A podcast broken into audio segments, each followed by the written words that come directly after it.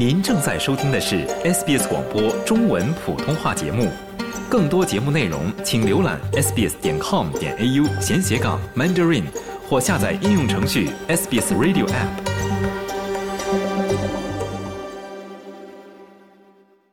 联合国秘书长安东尼奥·古特雷斯宣布，一个独立审查小组将评估联合国近东巴勒斯坦难民救济和工程处。该小组由法国前外交部长凯瑟琳·克隆纳领导，将与联合国内部监督服务办公室目前正在展开的调查同时进行。这项调查涉及以色列指控于十月七号参与哈马斯袭击的近东救济工程处一万三千名雇员中的十二人。联合国发言人斯特凡·杜加里克表示，调查将考察近东救济工程处的运作能力，以确保其中立性，并回应以色列的指控。他表示，审查将探索援助提供的替代机制。同时，将该机构的运作环境考虑在内。The Secretary General notes that these accusations come at a time that UNRWA, the largest UN organization. 秘书长指出，这些指控是在近东救济工程处作为该地区最大的联合国组织，在极具挑战的条件下运作，以向加沙地带近两百万男性、女性和儿童提供救生援助之际提出的。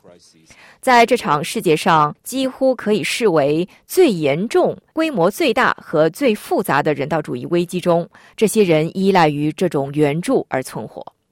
近东救援工程处成立于1949年，旨在支持因1948年以色列独立战争而流离失所的巴勒斯坦人，并为全世界约600万巴勒斯坦难民提供援助。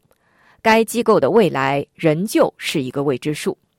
在以色列提供的指控威胁到其在当前冲突期间向加沙巴勒斯坦人提供最大援助国的地位后，包括其最大捐助国美国和澳大利亚在内的十五个国家已暂停对其提供资金。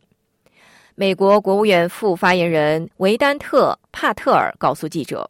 美国就对该机构进行独立审查一事表示欢迎。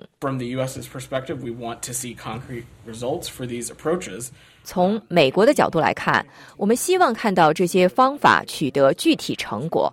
同时，我们将继续与其他捐助者就如何继续满足加沙的紧急人道主义需求进行密切磋商。但帕特尔表示。如果国会通过由共和党参议员提出的一项禁止向近东救济工程处提供进一步资金的法案，那么拜登政府也将把向近东救济工程处提供的资金进行重新分配，拨给其他救援机构。美国通常每年向近东救济工程处提供约四点五亿澳元至六点五亿澳元。但目前已获批给该机构的资金几乎为零。其他国家无视国际秩序，承诺提供更多援助。西班牙表示将增加约五百八十万澳元的资金，但这只是近东救济工程处在以色列提出指控之前于一月要求的近二十五亿澳元中的一小部分。该组织的主任专员菲利普·拉扎里尼表示。如果不重新启动捐助资金，该组织将于二月底解散。以色列总理本杰明·内塔尼亚胡已明确表明了立场：近东救济工程处在该地区没有未来。在以色列近东救济工程处办公室外爆发抗议时，内塔尼亚胡将该组织形容为哈马斯的合作者。This only reinforces what we've known for a long time. 这只会强化我们长期以来所知道的事实：近东救济工程处不是解决方案的一部分。近东救济工程处是问题的一个主要部分。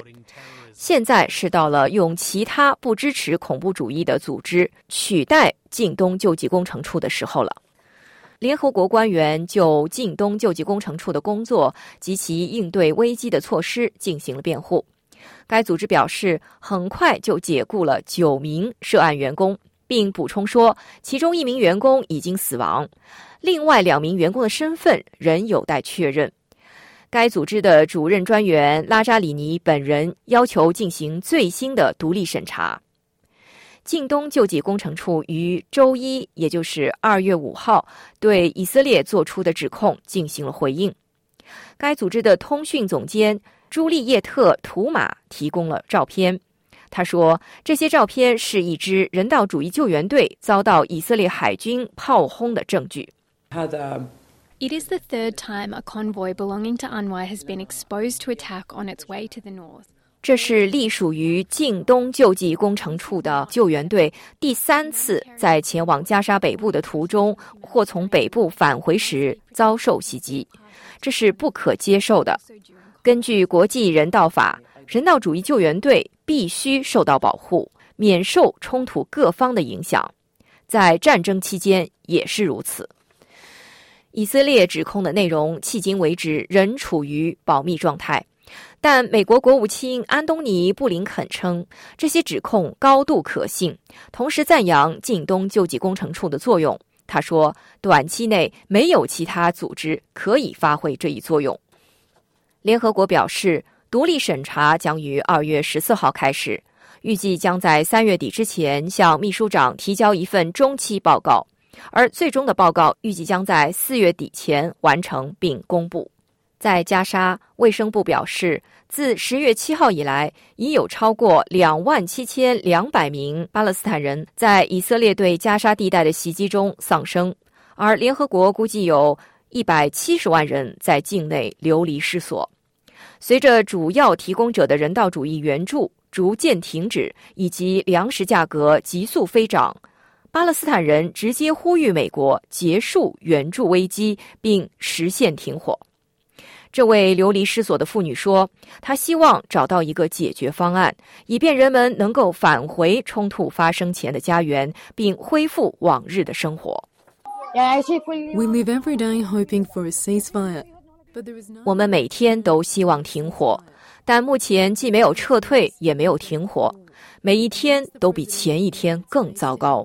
我们请求美国总统帮助加沙人民，提供援助。他可以看到加沙的局势，我们的生活有多困难，孩子们有多么缺乏食物和水。喜欢、分享、评论，欢迎您在 Facebook 上关注 SBS 普通话页面。